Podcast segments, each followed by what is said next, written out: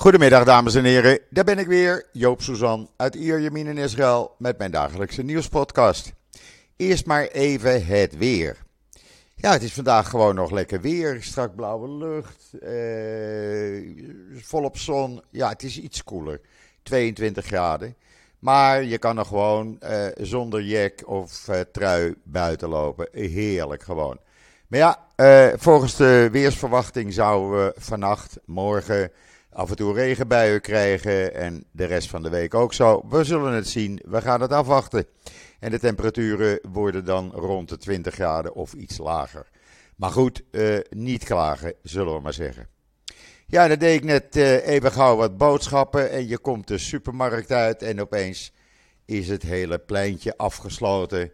Eh, overal politie en een robot komt uit een politieauto en men is aan het zoeken naar explosieven. Eh, ik heb geen boom gehoord, we moesten omlopen, ik ben niet blijven wachten en eh, ja, dan een stukje extra lopen en je kan gewoon naar huis. En als er een boom eh, was geweest, dan was er ook een explosief gevonden. Maar dat hebben ze niet. ik heb het niet gehoord in ieder geval. Maar goed, ook dat hoort bij Israël. En dan COVID. Ook gisteren op maandag, eh, toen werden er 14.356 mensen getest. En bleken 1675 met het virus besmet te zijn, oftewel 11,67 procent. Er zijn op dit moment 12.052 mensen in het land met het virus besmet. 143 ernstig ziek. 43 van hen in kritieke toestand en die liggen alle aan beademingsapparatuur. Het aantal mensen dat aan COVID is overleden is gestegen naar 11.973. Het wordt hier nog steeds elke dag eh, bijgehouden en bekendgemaakt. En dan een verhaal in israelnieuws.nl over Gilad, die zijn been had verloren in het leger. Eh, dat is eh, twintig jaar geleden gebeurd. Maar nu weer terug eh, is in het leger. Een heel bijzonder mooi verhaal is het als je het leest. Het hele verhaal eh, in israelnieuws.nl.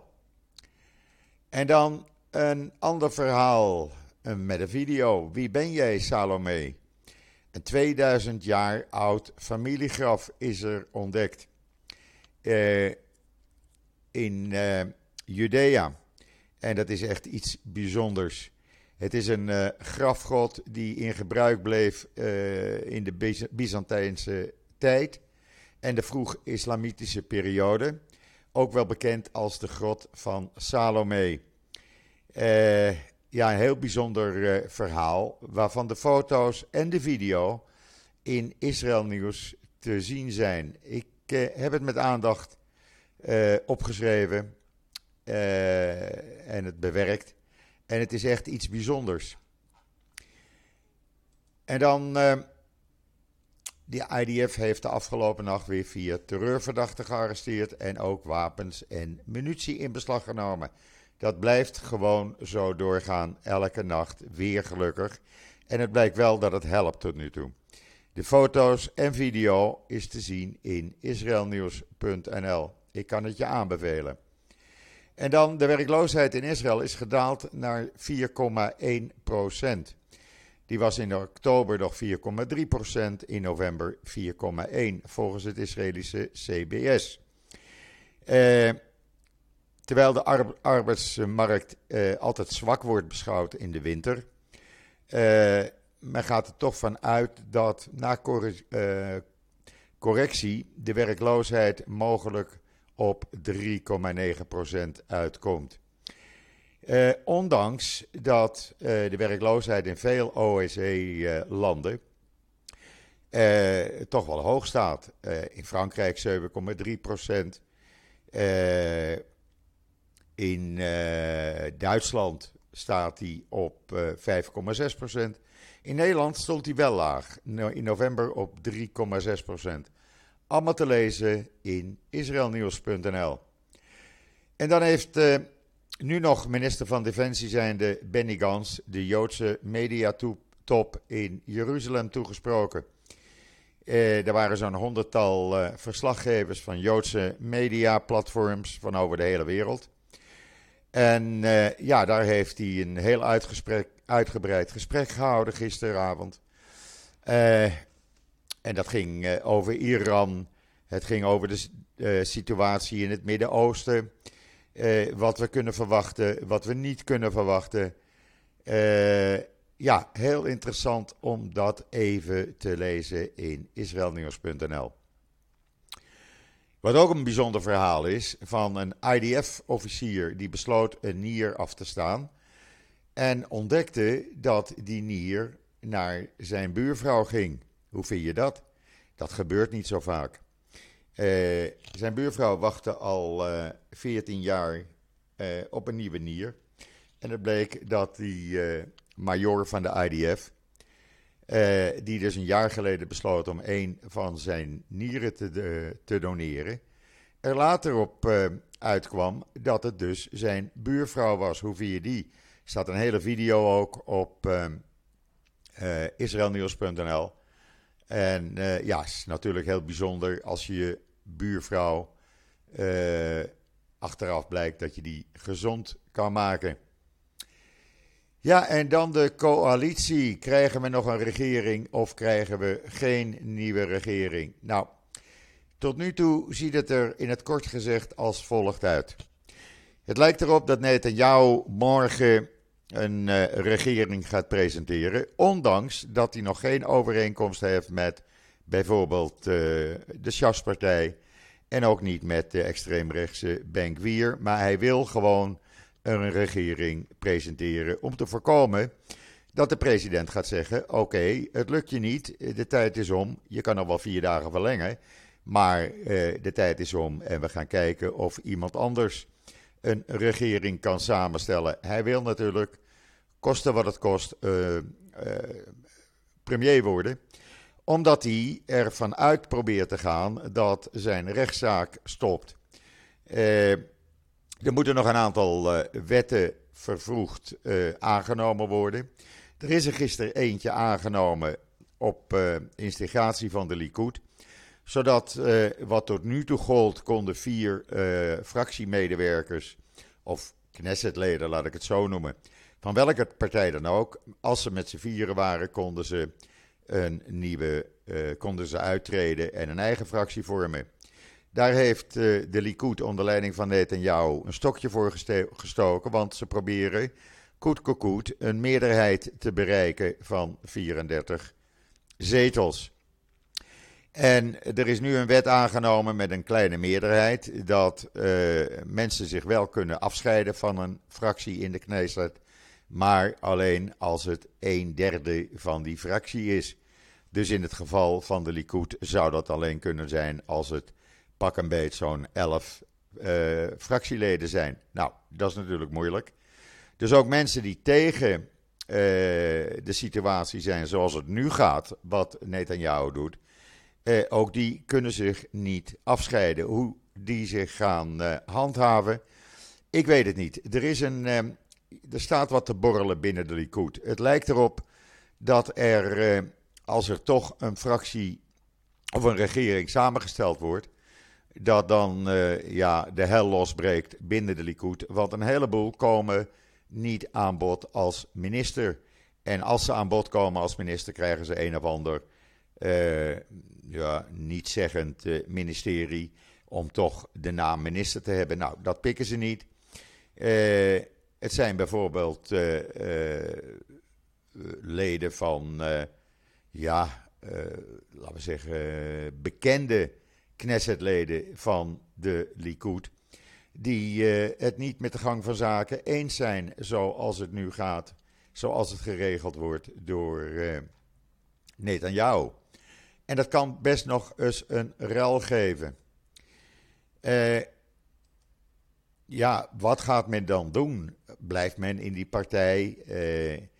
ja, er zijn een heleboel uh, Likud-leden die zich afvragen waar gaat die overwinningsparade naartoe. Want ja, het lijkt erop dat er een ultra-orthodoxe, extreemrechtse regering komt. Waarin eh, de Likud-partij eigenlijk bijzaak is. En men is het daar niet mee eens. Bijvoorbeeld uh, een bekend Likud-lid, die is daar ernstig op tegen. En die uh, zegt samen met anderen: luister, we hebben dan nog dan wel een meerderheid gewonnen. Zo'n 34 zetels. Maar waar zijn wij in de regering? Want degene die het voor het zeggen krijgen, dat zijn de extreem rechtse uh, Benkwier en Smotrich. En dat zijn uh, de ultra-orthodoxe partijen onder leiding van meneer Deri van Schas. En dat kan toch echt niet zo doorgaan. En dan mag Netanyahu wel die eerste overwinning hebben gehaald. Maar er moeten nog andere uh, uh, wetten worden aangenomen. En wat wil men nu proberen? Men wil proberen om. Uh, normaal gesproken is het zo dat een wet in drie ronden, verkiezingsronden wordt aangenomen. En dan duurt het tien dagen voordat die van kracht wordt. Wat gaat uh, Netanyahu doen? Die gaat zeggen: Oké, de wet is aangenomen, hij wordt meteen van kracht. Zonder verdere discussie, zonder verdere toetsing door uh, de juristen. Dat kan gewoon niet. Dat gaat op een keer barsten zodra die regering samengesteld is.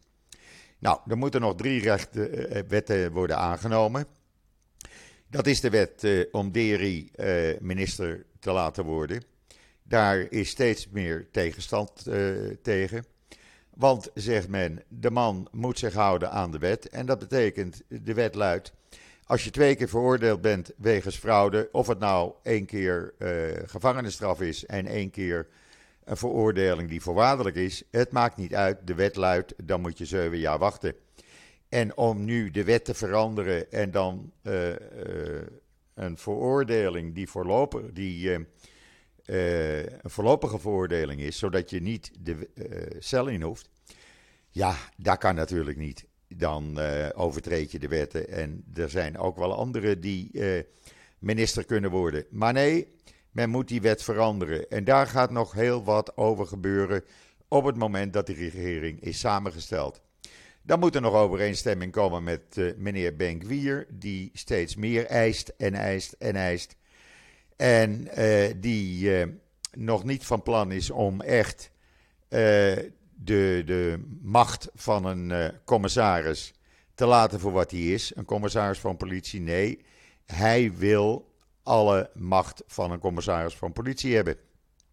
Nou, daar komt steeds meer tegenstand tegen. Want het kan niet zo zijn dat de minister gaat bepalen: je moet die vervolgen of je moet die arresteren eh, dan wordt het allemaal een politieke zaak. Dan eh, hebben we nog een, eh, de Law of Return, dus eh, de wet op de terugkeer. Daar wil men dus naartoe dat eh, kinderen van een, eh, met een grootvader of een grootmoeder die Joods is en niet beide, die kunnen niet meer gebruik maken van de wet op de terugkeer. Dat wil men nu wel eventjes uitstellen. Of dat ook gaat gebeuren, ik weet het niet. Het is één grote puinhoop.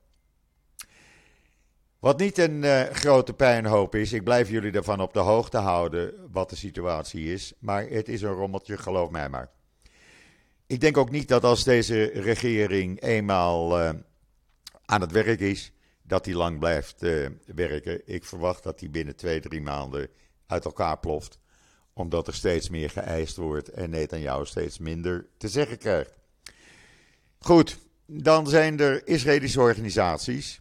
Die gaan Zuid-Soedanese kinderen een levensreddende hartoperatie geven via Save Child's Heart and Israël. Hoe mooi is dat?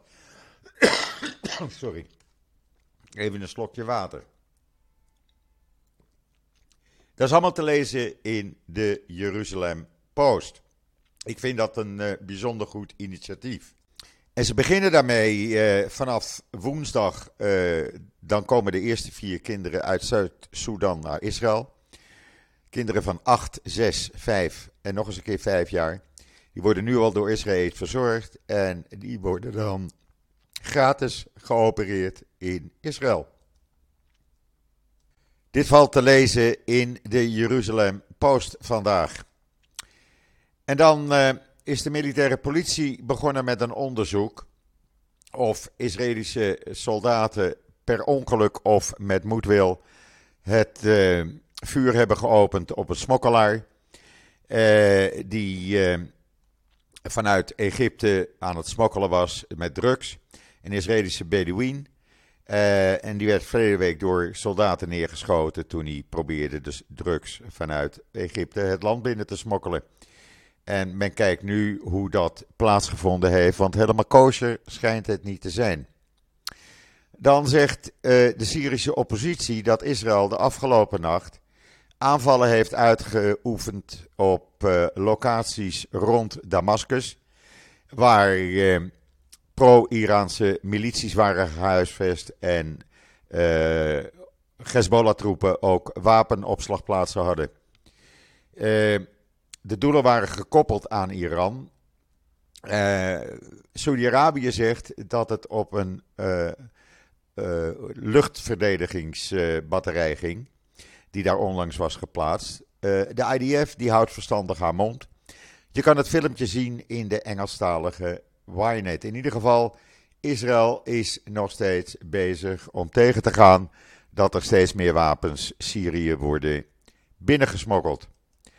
En dan, na vier maanden in Russische gevangenschap, heeft een Oekraïnse officier die uh, één hand nog over heeft, uh, bezoekt Israël en vertelt hier zijn hele verhaal. Ilya Samoylenko, die, uh, ja, hij is niet alleen ruim twee meter groot, maar hij ziet er ook nog eens een keer keurig gekapt uit, keurig gekleed. Het was een uh, inlichtingenofficier van het Azov-regiment uit Oekraïne. En hij valt nog meer op doordat hij zijn oorlogs, uh, oorlogsverwondingen niet verbergt. Zijn linkerhand, die hij samen met zijn rechteroog verloor.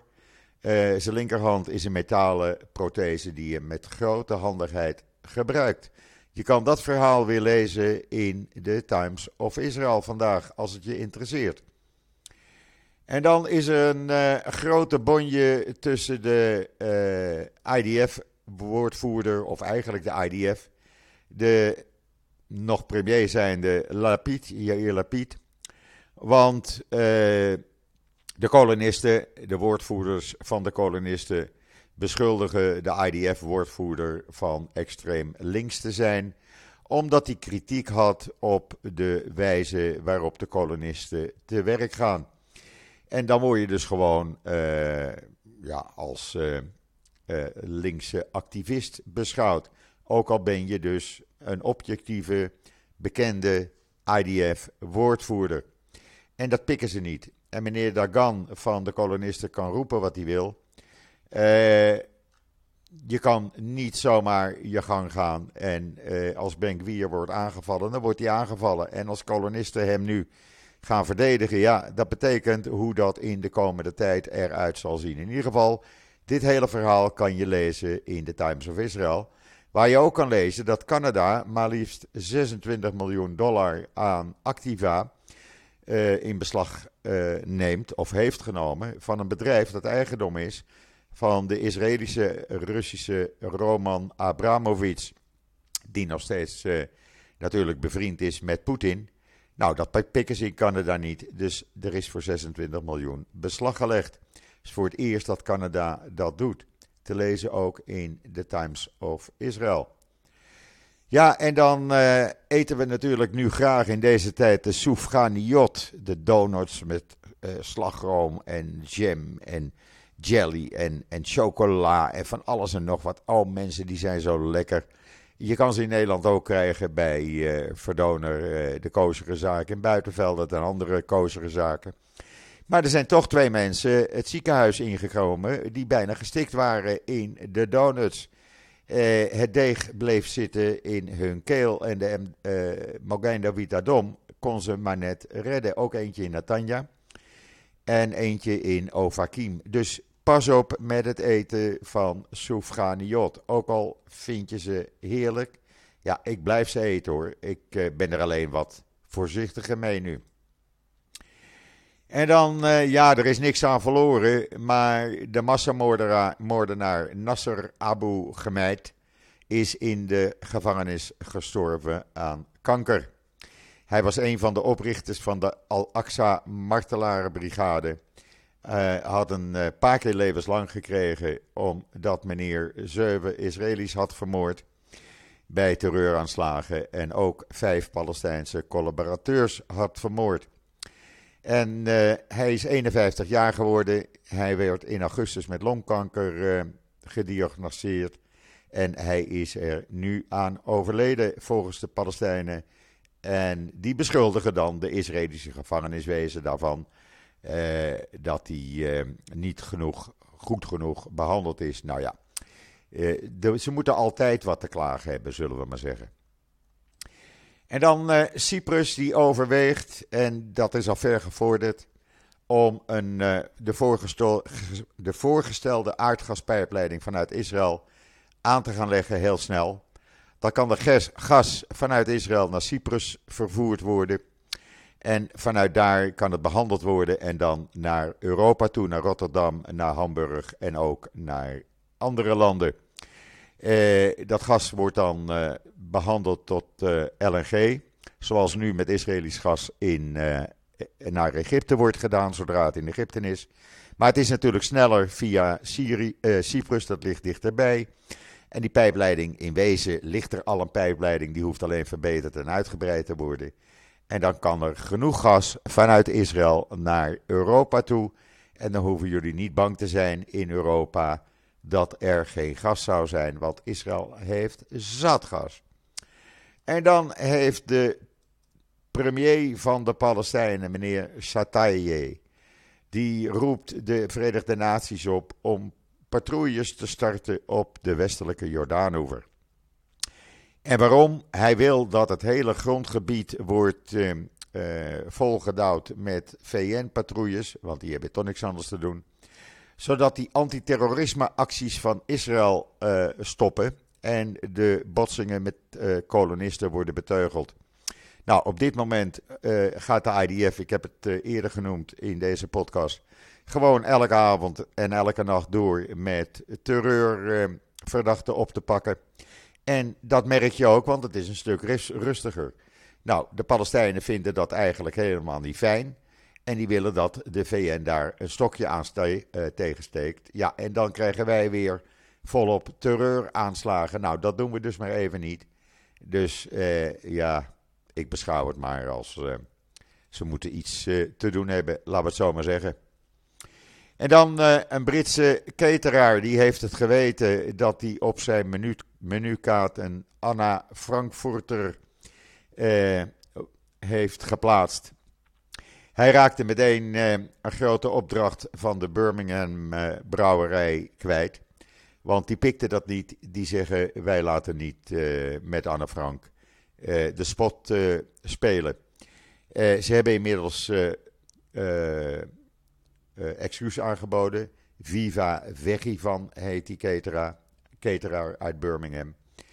En uh, ja, ze zijn die klant kwijtgeraakt. Moeten ze het maar niet doen. Te lezen, inclusief menukaart, in de Jeruzalem Post van vandaag. Ik vind het ook onbeschoft wat mensen tegenwoordig allemaal uitvinden om uh, uh, maar in het nieuws te komen. En dan nog even dit. Ik hoor gisteren de hele dag de Nederlandse radio in de Nederlandse pers over uh, excuses uh, voor de slavernij.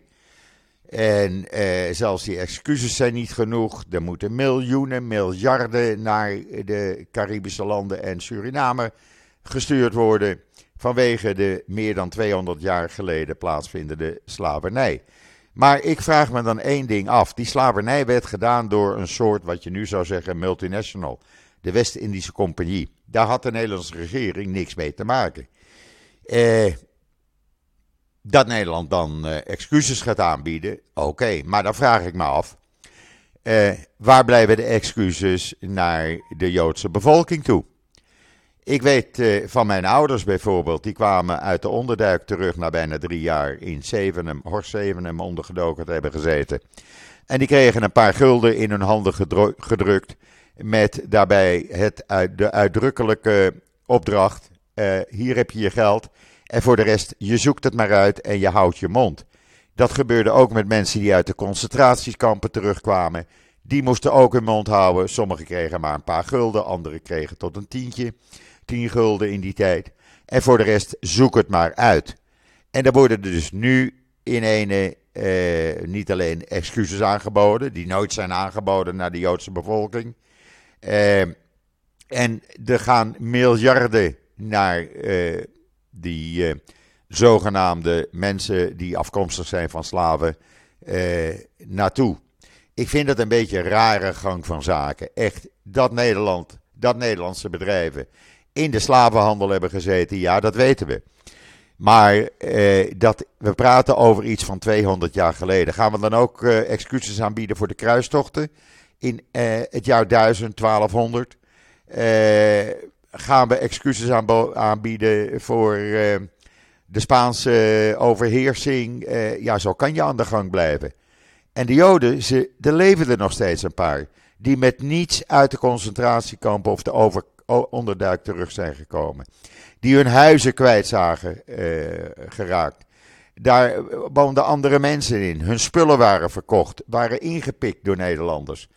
Sorry, daar mag eens een keer excuses voor worden aangeboden. Ik moest dat even kwijt. En ik ben het even kwijt. Goed, dat brengt mij gelijk tot het einde van deze podcast. Ik hou voor jullie in de gaten of we nou vanavond, vannacht, morgenochtend een nieuwe regering krijgen die tegen alle regels ingaat en zichzelf maar benoemt. Of dat er geen nieuwe regering komt. Eh, ga er maar vanuit dat er een regering komt morgen. Netanyahu gaat het risico niet nemen. Uh, en die lap, ze lappen alle regels aan de, aan de laars.